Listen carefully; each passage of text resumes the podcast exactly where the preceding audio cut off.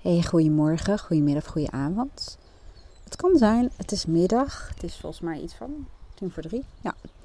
En er uh, kukelekuut af en toe even een haan doorheen. Ik dacht dat die uh, hanen alleen soms uh, heel erg vroeg actief waren. En dan denk ik ook niet extreem vroeg, want zo dra ik kan, loop ik met Aaron ochtends mee om de hond uit te laten. Die loopt meestal tussen nou, wat zal het zijn, zes en half, zeven ochtends met de hond uh, door het bos. Het is ook weer licht nu, dat is heerlijk. En als het namelijk te donker is, dan uh, mag je bos niet in, dan is het wild verstoord. En dan liepen wij vaak langs, ja, moet ik zeggen, de openbare weg. En dat is toch wat minder inspirerend. En ik heb nu een soort van vakantie. Wat is nou weer een soort van vakantie? Um, ik merk ook dat maakt het nu nog even ingewikkeld om de knop om te zetten. Daar ben ik nu ook nog aan podcasten. Omdat de podcast is voor mij een soort van weer een soort van, nou dat uh, is wel eventjes, eventjes het zinnetje van de dag vandaag, maar een overgang tussen um, ja, werk. Ja, weet je, ik zit eigenlijk gewoon een beetje aan mijn nek te kletsen, want werk voelt voor mij helemaal niet zozeer als werk. Maar laat ik het dan zo zeggen. Sessies die in mijn agenda staan, voelt wel als werk. Niet de sessies op zichzelf. Want um, ja, ik werk met zulke leuke mensen. En hoe meer je werkt met de mensen waar je echt een match mee bent. En, en het gaat om vraagstukken waar, um, waar mensen gewoon het allerbeste mee kan helpen. Dan zijn die gesprekken vaak op zichzelf al energiegevend. Alleen um, het feit dat al die afspraken in je agenda staan, is natuurlijk wel. Ik gebruik misschien nu helemaal het verkeerde label, maar het zijn wel uh, verplichtingen. Je hebt wel een commitment, een afspraak uh, gemaakt. En um, als ik dan vrij ben, zeg maar, ik heb een weekje vrijgenomen omdat Luca, mijn stiefzoon, is vrij. En die is deze week uh, bij ons. En Aaron gaat halve dagen werken en ik heb mijn agenda gewoon leeg gehouden. Behalve dan aankomende vrijdag had ik al wel een uh, sessie staan. Um, en wat wou ik daar nou? Oh ja, dus ik heb geen sessies behalve vrijdag staan. Dus dat voelt voor mij al als vakantie. Omdat ik parttime ga werken. En werken bedoel ik mijn podcast, mijn academy. Uh, samen met mijn dochter, die is ook ondernemer. Die uh, uh, ontwikkelt websites voor ZZP'ers. En die helpt ze om um, wat ze zelf willen doen. Om zoveel mogelijk dat op een manier te kunnen doen die goed bij hun past. Ze leert dat dus. Zodat het... Um, onderhoud, zeg maar, en het plaatsen van dingen. Dat ze het zo goed mogelijk zelf doen. Dat het zo min mogelijk tijd kost. En, en omdat ze het zelf kunnen doen, kost het natuurlijk ook zo min mogelijk geld. En de dingen die uh, ze dan uit willen besteden, die besteden ze uh, uit, zeg maar. Alhoewel, zij doet niet uitvoerend werk, maar vooral echt advies. En mensen gewoon echt heel goed op weg helpen. En laten zien hoe social media bijvoorbeeld voor jou als ondernemer kan werken. En natuurlijk ook je website. En samen met haar ben ik bezig met mijn academy um, nog een stuk professioneler te maken. Niet de courses, want die zijn al hartstikke professioneel, al zeg ik het zelf, maar anders zou het er niet in staan. Um, maar vooral ook de mailtjes die mensen ontvangen. Hè? Tussentijdse mailtjes om eventjes tips te geven, om jezelf te motiveren, om er nog meer uit te halen. Um, even kijken hoe het gaat met de deelnemers. En uh, we willen dat zoveel mogelijk automatiseren. Dus goed over nadenken. Nou, daar helpt ze mij mee. Dus dat zijn de dingen die ik dan s ochtends doe. Luca is dan aan het leren voor zijn examen. Um, oh ja, dan wou ik zeggen van smiddags heb ik dus vrij. En dat is um, dan podcast is een soort van overgang. Dat vind ik gewoon heerlijk om te doen. En dan kan ik makkelijker als het ware de knop omzetten naar de rest van de middag waarop ik vrij ben. En dat is sowieso wel een tip. Het is namelijk vaak zo als je bijvoorbeeld heel druk in je hoofd bent, of um, sowieso druk, dan is het vaak heel moeilijk om af te schakelen, zullen we maar zeggen. Um, en misschien is dat ook wel het juiste woord, want heel veel mensen zeggen ja, ben ik heel druk in mijn hoofd en als ik dan gewoon ga zitten of zo met een boek of een beetje voor me uit ga staren, dan ja, ben ik zo druk in mijn hoofd, zo onrustig, dan kan ik gewoon niet ontspannen. En vaak helpt het om um, bij jezelf te onderzoeken hoe kun je die overgang wat gefaseerder doen. Bijvoorbeeld um, met humor. Door uh, met mensen bijvoorbeeld gewoon even lekker een beetje te horen. Dan kom je ook al in een ontspannende modus. Wat bij mij vaak goed werkt, is de overschakeling van denkwerk naar doewerk. Door bijvoorbeeld even te zeggen: Oké, ik ga eventjes de bezem pakken. En ik ga even lekker vegen. Of gisteren ging ik met zo'n uh, bladblazenapparaat op mijn rug. Nou, dat ding dat blies bij, bijna door de hele tuin. Maar goed, dat even terzijde. Ehm, maar even dingen doen met je handen. Een raampje wassen of zo. Of even wasje doen. En ik kan dan makkelijker overschakelen naar een ontspannen toestand. En ik zit even te denken van nog meer helpt. Ja, muziek. Muziek kan ook enorm helpen om ehm, in andere zintuigelijke ervaring te komen. En daardoor ook meer in de ontspanningsmodus te komen. Of even op pad gaan. Uh, even een stukje lopen. Of misschien ja, gewoon de auto in of toeren. Of wat anders doen om, om een soort van ja, bruggetje in te bouwen om naar die ontspanning heen uh, te gaan. Nou, dat is ook eigenlijk meteen de aanleiding van deze podcast. En ook een podcast met een vraag en wellicht wel wat meer vragen aan jullie. Want ik ben me steeds meer aan het uh, ja, specialiseren, is misschien wel het goede woord. In wat mijn meest favoriete doelgroep en het gros van mijn klanten, ik denk wel 90%, typeert. En als we het over labels hebben, ik zeg ook altijd een coach, even voor de goede orde. Een coach is nooit iemand, uh, tenzij je ook psycholoog bent en daarvoor opgeleid bent, of een bepaalde coach bent die dat wel kan. Maar in principe, een coach is niet opgeleid om diagnoses te stellen. Ik doe heel veel burn-out trajecten. En heel vaak heb ik ook een lijntje um, met een bedrijfsarts of um, met een huisarts. En uh, ik weet zoveel over burn-outs. En als ik dan iemand heb waarvan ik denk, hé, hey, dat lijkt wel erg op burn-out klachten, dan zal ik in de meeste gevallen ook echt even aanraden om bijvoorbeeld een bezoekje langs de huisarts te doen. Die mag namelijk wel die diagnose uh, stellen. En um, bij een burn-out is het soms ook goed om überhaupt even bij je huisarts te gaan zitten. Omdat je het dan ook kunt hebben over een bloedanalyse. Om te kijken hoe zit het eh, met je bloedwaarde. Heb je misschien wat tekorten her en der. Maar dat kan nou heel erg stutten. Nou, dat is voor de goede orde. Ik stel geen diagnoses. Ik zeg ook altijd, ik ben niet zo'n fan van uh, labels. Maar toch kan het je wel helpen. Kan het je richting geven en kan het je helpen om bijvoorbeeld gericht kennis te vergaren, informatie te vergaren, wat jou weer kan helpen. Nou, in het geval van labels zijn bij mij in mijn praktijk de labels meestal uh, hoogbegaafd, begaafd. Hè. Het verschil tussen begaafd en hoogbegaafd, even heel kort door de bocht, is vooral de intensiteit. De, de, de, intense denk- en gevoelswereld, um, de diep gaande manier van denken. Um, dus uh, verschil begaafdheid, hoogbegaafdheid zit hem ook in IQ, maar zit hem ook vaak in de intensheid. Intensiteit, volgens mij is intensheid niet eens een woord. Uh, maar ook hooggevoelig uh, of hoogsensitief. HSP, hoogsensitief persoon. Of hooggevoelige high sensation seeker. Dat is het stempeltje wat uh, samen met hoogbegaafdheid dan meer op mij geplakt wordt. Um, en waarom kan dat je helpen? En waarom um, heb ik het daarover als ik het heb over um, nou ja, het profiel van de mensen die ik coach? Trouwens, dat profiel geldt ook vaak voor de mensen die uh, courses of programma's of tools of handvatten gebruiken uit mijn academy. Dat is ook wel weer mooi. Ik wilde zeggen grappig, maar het is eigenlijk ook natuurlijk gewoon logisch. Maar um, die labels helpen heel erg. En heel veel mensen weten namelijk helemaal niet dat ze hoogbegaafd zijn of dat ze anders denken. Hè? Um, nogmaals, um, je ziet heel veel raakvlakken tussen uh, hoogsensitiviteit en uh, begaafdheid, hoogbegaafdheid, ook hoge intelligentie. Maar hoogbegaafdheid is dan toch weer wat anders. Ik kan er wel een keer, andere keer een podcast over opnemen als jullie dat interessant vinden. Maar het gaat vaak met name ook over het anders denken, het heel associatief denken. En heel vaak hebben mensen juist het gevoel dat ze trager denken. Of dat ze in vergelijking met mensen die heel adrem zijn of ongelooflijk snel hun mening hebben, ja, dat ze daarin wat achterblijven. Heel veel mensen hebben helemaal niet van zichzelf het idee van, oeh, ik ben begaafd of hoogbegaafd.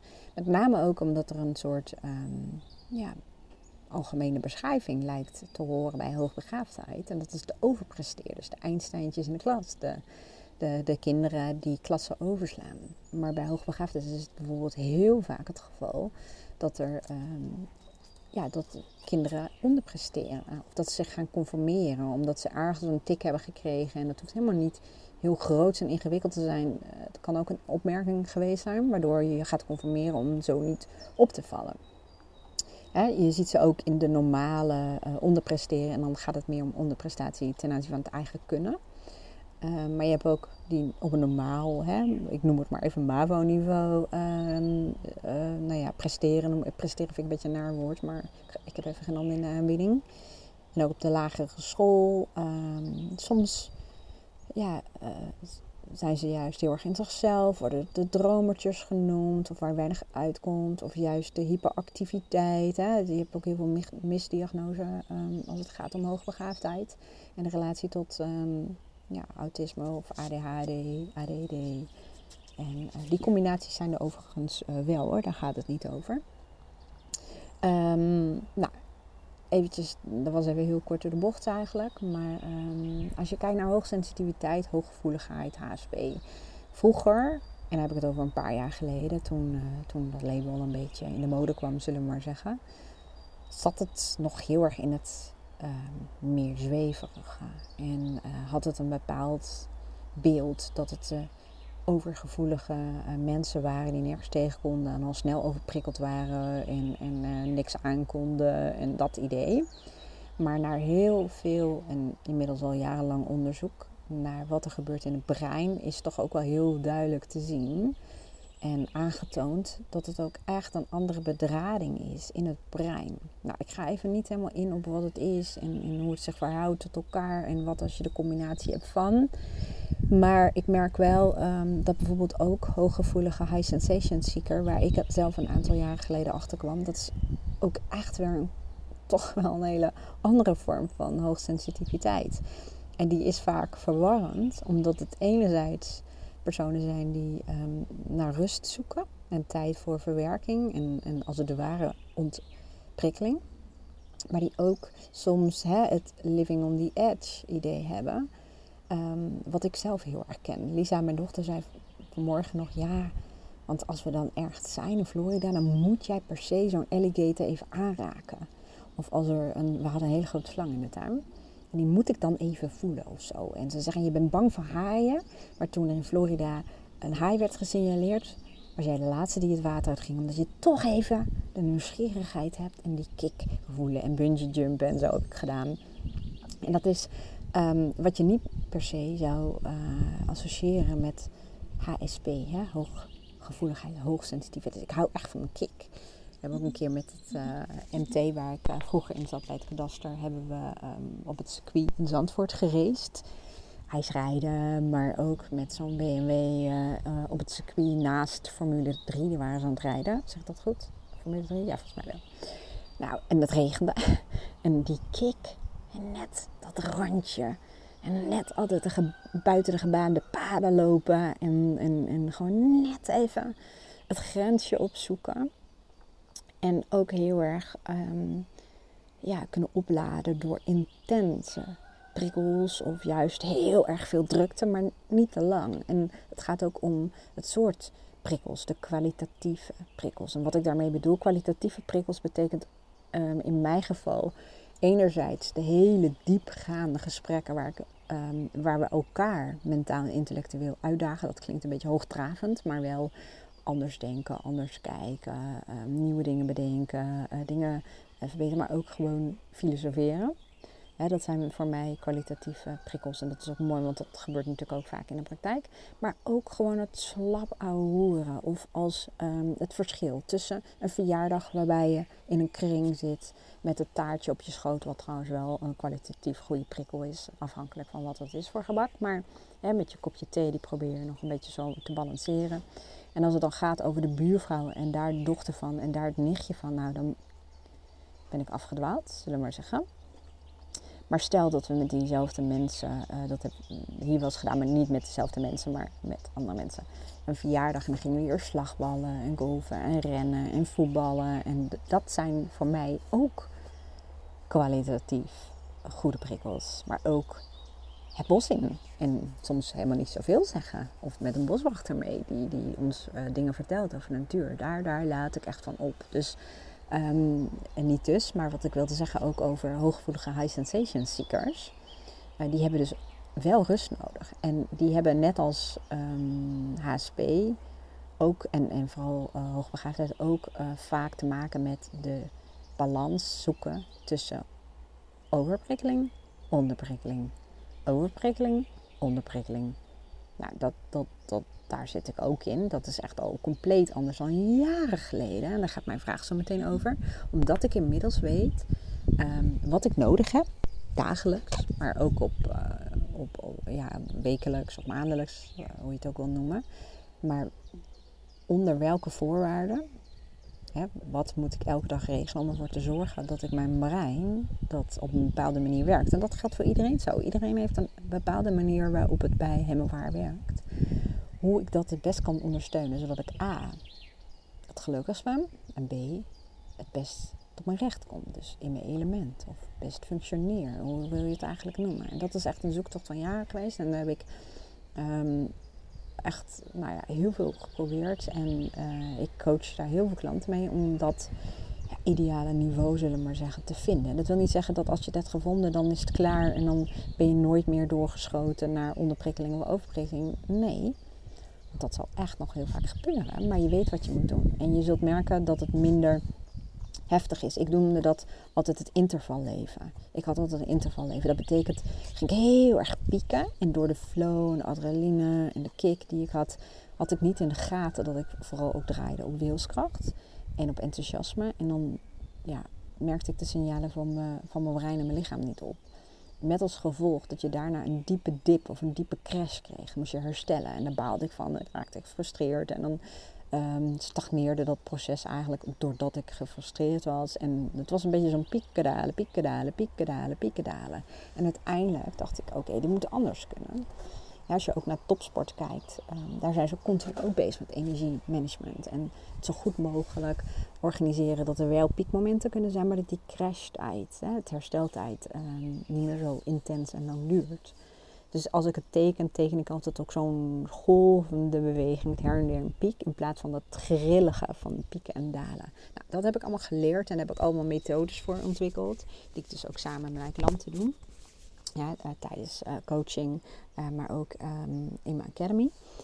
En um, wat ik zelf merk en wat ik ook merk bij mijn klanten is dat heel veel mensen zich niet bewust zijn dat um, je ook van onderprikkeling echt moe en uitgeput kunt raken. Ik heb ooit een online spreekuur gedaan bij een hoogbegaafdheidsspecialist. En uh, zij vertelde ook dat, um, ja, dat heel veel mensen last hebben van sociale vermoeidheid. Waarbij het dus niet gaat om de, in, de, de duur of de frequentie, maar wel om het gebrek aan kwalitatieve prikkels, oftewel de, de, de onderprikkeling. En voor mij was dat een eye-opener. En nog meer toen ik um, het boek ging luisteren van Saskia Klaassen. Ik spreek haar achternaam volgens mij niet helemaal goed uit. Maar prikkels bijten niet. Absoluut een aanrader. Ik zet het linkje wel eventjes hieronder. Ik ben het luisterboek uh, aan het luisteren. En um, dat is voor mij nog net weer een verdieping. Nog meer. Dat gaat nog meer over uh, hooggevoelige uh, high sensation seekers. En voor mij is het alleen maar weer bevestiging van um, ja, wat ik zelf ook ervaar.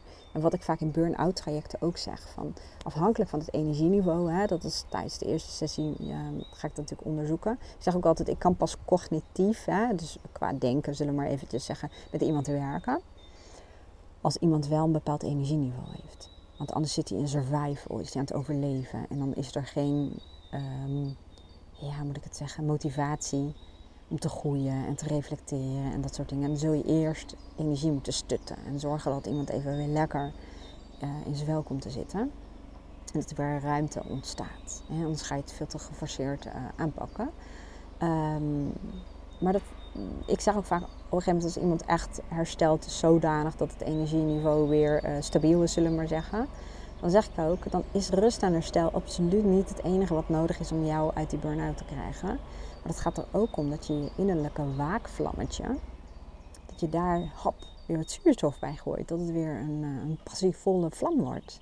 dat je interne vuurtje weer gaat vlammen. Want dat levert energie, passie, verbinding, allemaal containerbegrippen. Maar je kunt je er vast wel iets bij voorstellen. En dat is ook wat je ziet in, um, bij mensen die HSP eh, of hoogbegaafd. Of, uh, vaak is dat ook een combinatie van of high sensation seekers zijn. Um, En ook mensen die zich niet als zodanig zouden labelen of daar nog niet echt uh, gevoel bij hebben van oh, hm, hm, dat label past bij mij. Maar het zijn wel vaak de creatieve denkers, de andersdenkende, de, de, de, de associatieve denkers, de meer abstracte, conceptuele denkers, de, de mensen die willen creëren en die zich vaak al vervelen. Als iets loopt, dan loopt het, dan is het vaak al saai. Um, ik zeg altijd, ik ben geen manager die op de winkel wil passen. Ik ben een manager die als die hele winkel in puin ligt en er is ruzie of er shit of er moet vernieuwd of geïnnoveerd worden. Dat is natuurlijk in zekere zin hetzelfde. Of er moet iets gefixt worden of er moet iets verbeterd worden. Verbeteren is nog beter dan fixen. Dan, hoe, dan sta ik te popelen. Dan, uh, dan, dan, dan, dat, dat, nou ja, dat typeert vaak ook de creatieve denkers.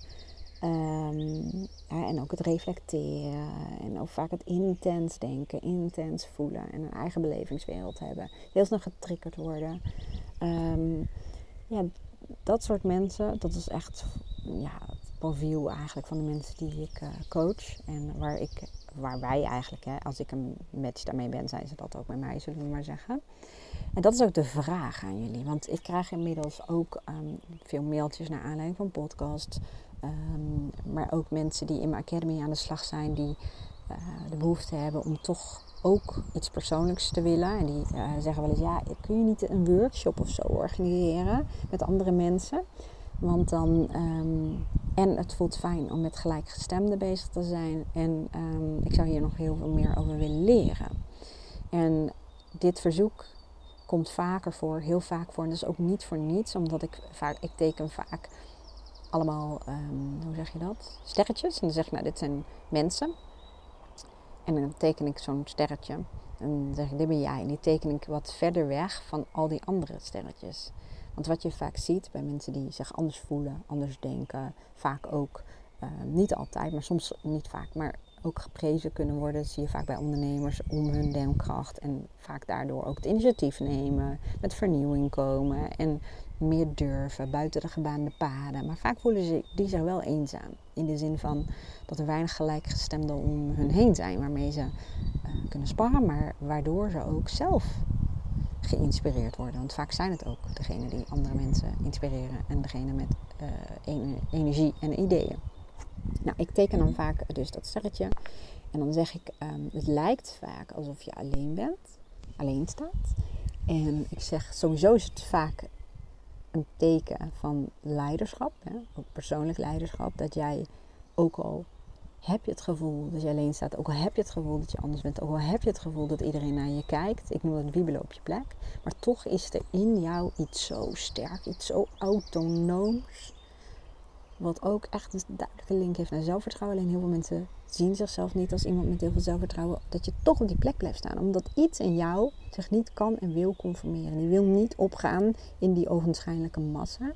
Waar um, mensen meer op elkaar afgestemd zijn. Of dat nou gaat om extravertheid. Of gaat, gaat om dezelfde manier denken. Of informatie uh, signaleren en verwerken. Dat doet er niet toe. Uh, wat dat dan ook is.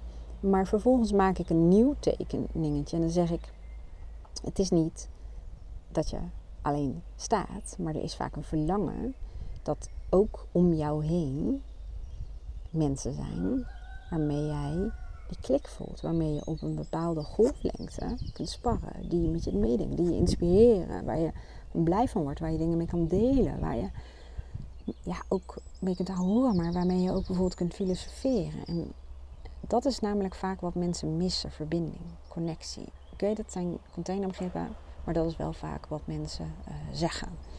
En um, dat soort verzoeken krijg ik, dan kun je niet wat mensen bij elkaar zetten dan. En ondertussen een workshop geven. En dat kan. En uh, ik zal gewoon heel eerlijk zeggen, um, waar ik gewoon echt niet goed in ben. En um, dat is ook wel iets wat ik in de toekomst uh, uit ga besteden. Daar ben ik uh, al mee bezig, zeg maar. Om te kijken wat zou ik uh, nog meer willen gaan delegeren. En hoe dan? Um, maar eens organiseren. Ik ben gewoon niet goed. Nee, hoor wat ik zeg. Ik weet wat ik, ik zeg. Ik ben niet goed. Dat klinkt gek.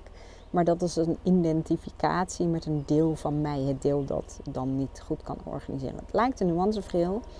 Um, maar het is het niet. Als ik in plaats van ik ben, niet goed in. Uh, zeg van um, organiseren vind ik lastiger. Of organiseren um, kost me veel energie of veel tijd.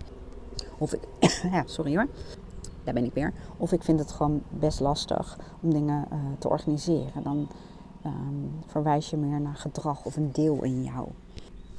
En als ik heel eerlijk ben, ik vind er ook geen ruk aan.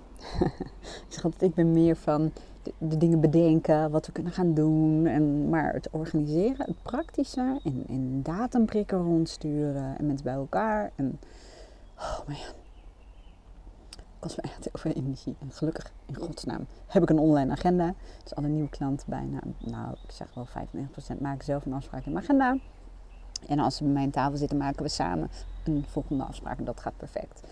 Maar uh, stel dat ik iets voor een groep moet organiseren, dan oh, ga ik uitstellen. En dat is al vaak een teken. Dat komt, ik, ik kijk dan in mijn agenda en ik, oh my god.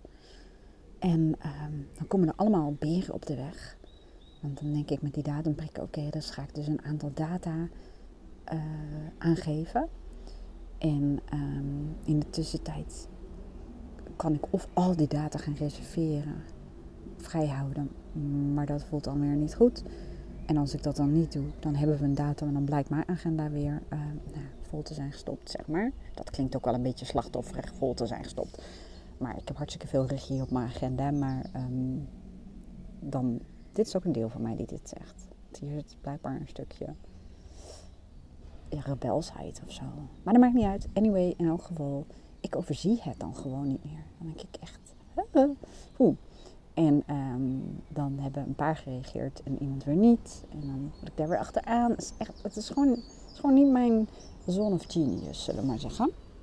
Dus met dit ook, want ik laat best wel veel dingen liggen. Sorry voor jullie trouwens, want ik krijg wel meer verzoeken. Degene die dit uh, hoort, die weet dat ik het over jou heb. Ik zou ook nog mensen bij elkaar brengen om te oefenen met communicatievaardigheden. Ik heb met heel veel mensen namelijk um, training gedaan, één op één. Om communicatievaardigheden aan te leren. Dat gaat over relaties zakelijk, dat gaat over relaties privé. En dat werkt als een tierenlier. Maar ik zeg ook altijd, het is ook fijn, en heel veel klanten zeggen dat ook, om samen even met andere mensen, gewoon een klein groepje, samen te kunnen oefenen. En ook te kunnen kijken ik doe dan bijvoorbeeld dingen voor samen met iemand en dan laat ik het zien en dan blijft het ook hangen. En het is gewoon super leuk om dat samen te doen. En uh, dat stel ik ook al weken uit. Ja, dat is echt niet zo handig. Maar um, ik beloof bij deze, ga ik deze week doen. In mijn part-time vakantie. Mijn briefje ligt al ook op mijn bureau, maar die verschuif ik dan van de linker naar de rechterhoek. Ja, als jij denkt, ik ben een coach en daarom heb ik alles perfect en uh, doe ik ook alles. Want ik weet natuurlijk heus wel hoe ik mezelf hierin zou kunnen coachen. Maar dat wil niet zeggen dat ik dat altijd doe natuurlijk. Anyway. Met dat ik dat zeg, denk ik wel ja, dit is ook weer zo'n typisch iets. Ik hoef eigenlijk iets heel kleins te doen. Ik moet of de noodzaak, de urgentie vergroten, of het verlangen uh, voeden. En ik ben meer fan van het laatste, het verlangen voeden.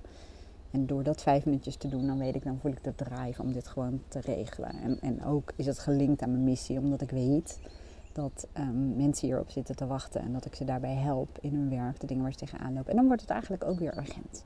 Maar goed, dat even terzijde was even een zijsprongetje. Dat is ook even wat uh, een manier van denken van de meeste mensen die je coach typeert. Um, maar de vraag dus aan jou. Van stel dat jij een podcastluisteraar bent of misschien een klant. Uh, veel klanten luisteren ook mijn podcasts. En je zegt, ja, ik herken me heel duidelijk of misschien nog helemaal niet duidelijk, dat kan natuurlijk ook, zit ik me te bedenken, in dat toch wel hoog uh, sensitief, uh, hoog, hoogsensitiviteit of hoog, HSP. Ja, ik wil de drie dingen tegelijk zeggen, dat kan natuurlijk ook niet. Of dat high sensation seeker. Dan moet ik zeggen dat in die laatste, die weten mensen wat minder dan HSP. HSP is wat, um, zeg je dat, bekender, zullen we maar zeggen. En hoogbegaafdheid, heel veel mensen komen in de weerstand. Nee, nee, dat ben ik niet. Maar mocht je toch denken, ja, maar ik ben wel iemand die vaak druk is in het hoofd. Ik um, spring vaak van het een uit de handen, van een hak op de tak. Ik denk associatief. En associatief bedoel ik, soms heb je maar één triggertje nodig. En dan is al een heel circus in je hoofd. Gaat het alle kanten op. En dat wil niet zeggen dat het niet goed is, maar dat is gewoon de manier van denken. Ook bij een probleembenadering of zo, haal je allerlei informatie erbij Waardoor je vaak op heel andere invalshoeken komt als het gaat om de oplossing, zullen we maar zeggen. Dus als je je daarin herkent, hè, ehm, het creatief kunnen denken, uh, buiten bepaalde uh, gebaande paden, maar het gevoel hebben dat je soms ook een langzamer denkproces hebt. Niet altijd, maar um, veel mensen zeggen, uh, heel veel mensen zijn heel ad rem en soms is de vergadering voorbij en dan heb ik een briljant antwoord, maar dan is iedereen al weg. En dat heeft niks mee te maken. Heel veel mensen zeggen, ja, dan denk ik gewoon langzamer. Nee, je denkt vaak niet langzamer. Je hebt heel veel meer input te verwerken. Of je moet een puzzeltje vormen voordat je het kan vertellen. Of je hebt gaten in dat puzzeltje omdat je niet helemaal helder hebt wat nou precies bijvoorbeeld de vraag aan je is. Um, nou, als je herkent een paar van die dingen, of misschien helpt het om um, wat meer podcasts te luisteren of gewoon eens op internet te kijken. Elaine Aron, als ik haar naam goed uitspreek, die um, zou ik een beetje bestempelen als nou ja, de grondlegger niet per se, maar die is wel heel erg bezig geweest met wetenschappelijk onderzoek en die heeft een aantal boeken geschreven. En die heeft ook, als ik het goed heb, en ik weet niet of dat nog steeds zo is, maar een test op haar website staan. Maar die is overigens destijds in ieder meer gericht op het HSP-stuk en minder op High Sensation Seeker. Misschien is dat inmiddels veranderd, dat zou kunnen. Maar als jij denkt, ik heb gewoon behoefte aan om met gelijkgestemden um, ja, hierover te kunnen sparren. En ook in een workshop waarin ik gewoon goed leer hoe ik die gave, want het is gewoon een gave, hoe ik dat kan transformeren van een last naar een kracht, naar je talent, naar je gave. Want dat is misschien nog ook wel even belangrijker. Want heel vaak zijn dit soort mensen, om het even zo te zeggen, inclusief mezelf, um, zitten vaker in het hoofd. En hebben vaak het verlangen om het gevoel ook erbij te betrekken. En wat minder in hun hoofd te zitten. Ik zeg al heel vaak, heel vaak is het zo dat je hoofd dan een soort hoofdkantoor is. En je gevoel een soort bijgebouwtje in de bush-bush die heel moeilijk toegankelijk is. Het hoofd voert de regie, het hoofd uh, analyseert. En heel vaak zeg ik ook, dan kan je komen in het beschouwend gaan leven. Dat wil zeggen dat je um, zelfs je gevoel meer beschouwt en dingen ervaart soms vanaf de zijlijn, of beschouwend of achteraf als het al voorbij is. Dat dat gevoel heel gedoseerd of zo um, toegelaten wordt. En uh, wat ik in mijn praktijk in elk geval een van de allermooiste dingen vind bij de mensen waar ik het net een beetje over had, is het verschil in kwaliteit van leven, kwaliteit van werk, maar ook de energie, rust in het hoofd en de voldoening en, en, en meer betekenisvol leven is als het lukt om zowel het hoofd als het hart in te zetten, het hart, het gevoel hoe je het wil noemen, als sterke kanten. Dat het met elkaar gaat samenwerken. Want vaak zie je bij mensen met die labels waar ik het net over had, of de beschrijving die ik noemde, juist, dat weten ze vaak diep van binnen wel, niet alleen maar heel sterk zijn en echt een talent hebben. En heel vaak vinden ze labels ingewikkeld, maar laat ik het zo zeggen. Um, ja, dat brein is hun kapitaal. Maar hun gevoel, hun intuïtie, hun hart, hun sensitiviteit ook. En als die twee met elkaar samen gaan werken, nou, dat kan ik je vertellen. Dat gebeurt niet vaak, maar daar heb ik niet eens woorden voor om dat goed te beschrijven. En dat is de transformatie die ik zelf ook doorgemaakt heb. En daardoor is je leven lichter, moeitelozer, spontaner. Je leeft veel meer voluit, want dat was eerder altijd mijn vraagstuk, jaren geleden. Um, je kan je veel beter en makkelijker uitdrukken en uiten en, en dingen delen, omdat je hebt geleerd hoe je jouw denkprocessen, zelfs als ze voor jou nog niet helder zijn, hoe je toch mensen um, meeneemt in hoe het bij jou werkt, waardoor ze continu connectie voelen. Want als jij in je hoofd gaat zitten, dan zien mensen wel van alles gebeuren en ze weten niet wat. En dat vinden mensen vaak lastig en dan verlies je de verbinding. En door die verbinding met jezelf, ja, nu is het weer containerbegripperig, zeg maar, maar door die verbinding met jezelf en door de tools te hebben om jezelf uit te drukken, zelfs bij mensen die in jouw ogen verbaal heel sterk zijn, heel adrem, waar je eerder misschien een eigen had tot dichtklappen, ja, je zelfvertrouwen krijgt ook enorm een boost. Plus, heel veel mensen zeggen, ja, dan ga ik mezelf meer accepteren. En dan zeg ik altijd, nou, doe maar een schepje bovenop. Ga jezelf maar waarderen. En liefhebben klinkt misschien een beetje te zoetsappig, maar wel, dan ga je jezelf precies zoals je bent, ook al ben je afhankelijk van de omgeving waarin je verkeert of de context, soms echt compleet anders dan de rest. En zie je de wereld anders, beleef je de dingen anders, maar dan ga je waarderen wie je bent. En dan ga je veel meer uh, vrijer leven. Ja, dat werkt zo. Um, omdat je steeds meer zelfkennis krijgt. Omdat je steeds meer snapt hoe het werkt bij jou. En wat belangrijk is voor jou. Maar ook hoe je de connectie met de ander kunt houden op een manier die goed voelt voor jou. En dat is echt, ja, nogmaals, ik heb er geen woord voor. Maar dat is ook de reden waarom inderdaad mensen zeggen: Ik zou wel vaker, um, of in elk geval een eerste keer, is een keertje een workshop willen doen met mensen zoals ik. Want dan heb ik in elk geval niet het gevoel dat ik hier alleen in ben. En alleen het gevoel van, hé, hey, er zijn er meer zoals ik. En ehm, ja, misschien wat ervaringen kunnen uitwisselen, misschien wat van elkaar kunnen leren. En ik heb wat eerder dit soort dingen gedaan, dan gingen mensen ook onderling met elkaar afspreken. Dat kan natuurlijk ook. Dat, dat is echt iets wat je natuurlijk zelf moet kijken of je dat wil of niet. Um, maar ja, dat. En nogmaals, ik laat het liggen.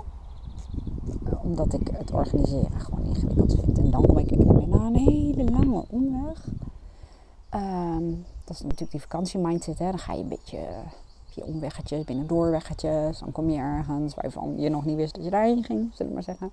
Dan kom ik op de concrete vraag. En die is, en mocht jij zelf ook de behoefte voelen om met gelijkgestemden een workshop te doen, waarin ik je leer überhaupt hè, wat HSP is, wat uh, High Sensation Seeker is, wat het verschil is tussen um, begaafdheid, hoogbegaafdheid. Maar ook het verschil tussen HSP en HSS. En niet alleen maar van de labels, hè, want de labels zijn nogmaals geschikt zodat je zelf verder kan uh, googlen en zoeken.